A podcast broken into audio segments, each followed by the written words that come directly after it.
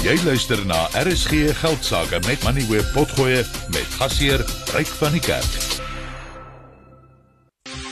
RSG Geldsaake met Money Web elke week saam tussen 6 en 7. Dis maandag aand en dit beteken ons gesels weer oor interessante ontwikkelings in die tegnologie wêreld.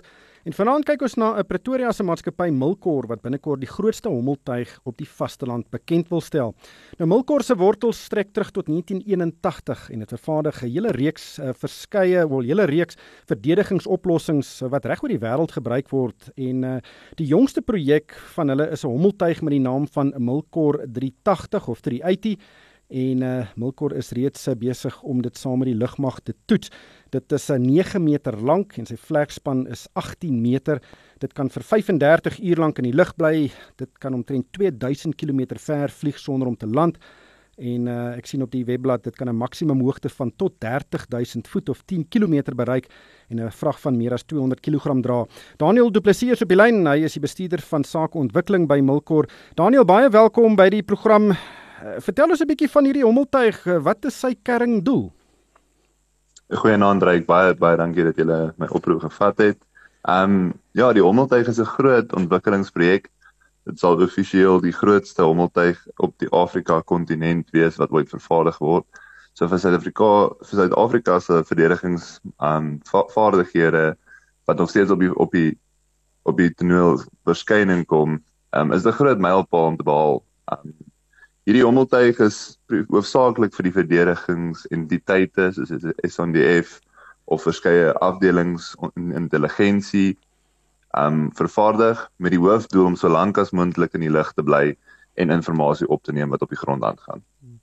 Ja, die die term hommeltuig is nogal vir my interessant want baie mense dink onmiddellik dat dit so 'n klein vierkantige dingetjie met uh, propellers wat ondertoe wys, maar ek het 'n foto gesien van hierdie 'n uh, produk van julle en dit lyk basies net so gewone vliegtyg. Daar's net nie plek vir 'n bemanningslid nie. Is dit nie 'n meer gepaste beskrywing om te sê dis 'n onbemande vliegtyg nie? Dit is uh, dit is 'n om dit is 'n baie beter beskrywing. Um in Engels is die is die af die afkorting UAV, unmanned aerial vehicle.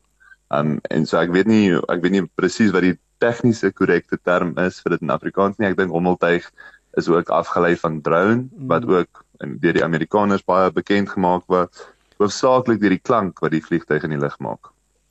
Nou die oorlog in die Oekraïne dink ek het nogal hierdie tipe van hommeltuie of onbemande vliegtuie ook op die voorgrond geplaas want dit word baie gebruik. Uh, en ek neem aan daar is geweldige navorsing wat gedoen word om beter en beter van hierdie vliegtuie nou te ontwikkel. Uh, julle gaan nou die die die grootste ene op die Afrika Afrika vasteland uh, bekendstel. Is grootte regtig so belangrik of is dit uh, die ander tegnologie wat daarmee gepaard gaan wat dalk belangriker is? Ek dink ek dink jy vra baie goeie vraag. Ek dink die grootte speel 'n saaklike rol in die hoeveelheid tyd wat jy in die lug kan spandeer, as jy ook die hoeveelheid draagkrag wat jy dan tot jou beskikking het. So dit sluit in verskeie nuwe sensors en applikasies wat jy dan kan integreer op die vliegtyg So ek dink jy's jy's regtelik om te sê dit is dis by by die grootte wat 'n groot geweldige impak op die operasie se sukses kan behaal. Um maar ook die tipe tegnologie wat jy integreer op die vliegtyg. Tegnologie in vandag se tyd is besig om teen eksponensiële spoed te ontwikkel en elke jaar is daar nuwe tegnologieë, nuwe inligting opneem metodes um, wat vir jou verskillende tipe inligting kan gee wat gebruik kan word op hierdie velde. Julle toets nou hierdie vliegtyg saam of saam met die weermag of die die lugmag in Suid-Afrika. Ehm um, wie, wie is julle mark? Ehm um, word dit streng gereguleer? Kan julle byvoorbeeld aan ander lande ook van van hierdie produkte verkoop sou hulle dit wil hê?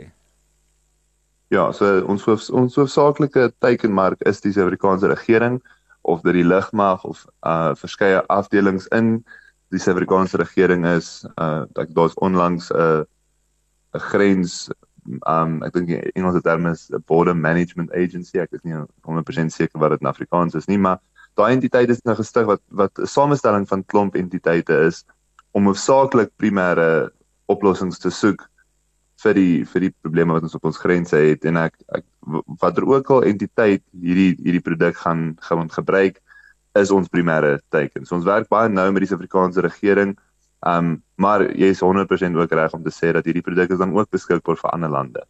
En die tegnologie wat ons ontwikkel het is van so 'n aard dat dit word definitief goed gereguleer.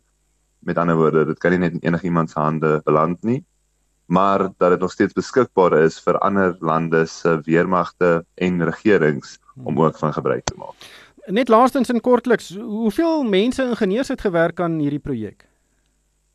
So ons het in in 2017 begin en heidaglik is ons omtrent 200 ingenieurs, projekbestuurders uh, wat wissel van ouens wat 65 en plus is tot ouens wat vars uit die universiteit uit is uh, wat heidaglik op hierdie projek werk. Meer as 200 ingenieurs, eintlik ongelooflik. Daniel, baie dankie vir jou tyd vanaand. Dit was Daniel Du Plessis.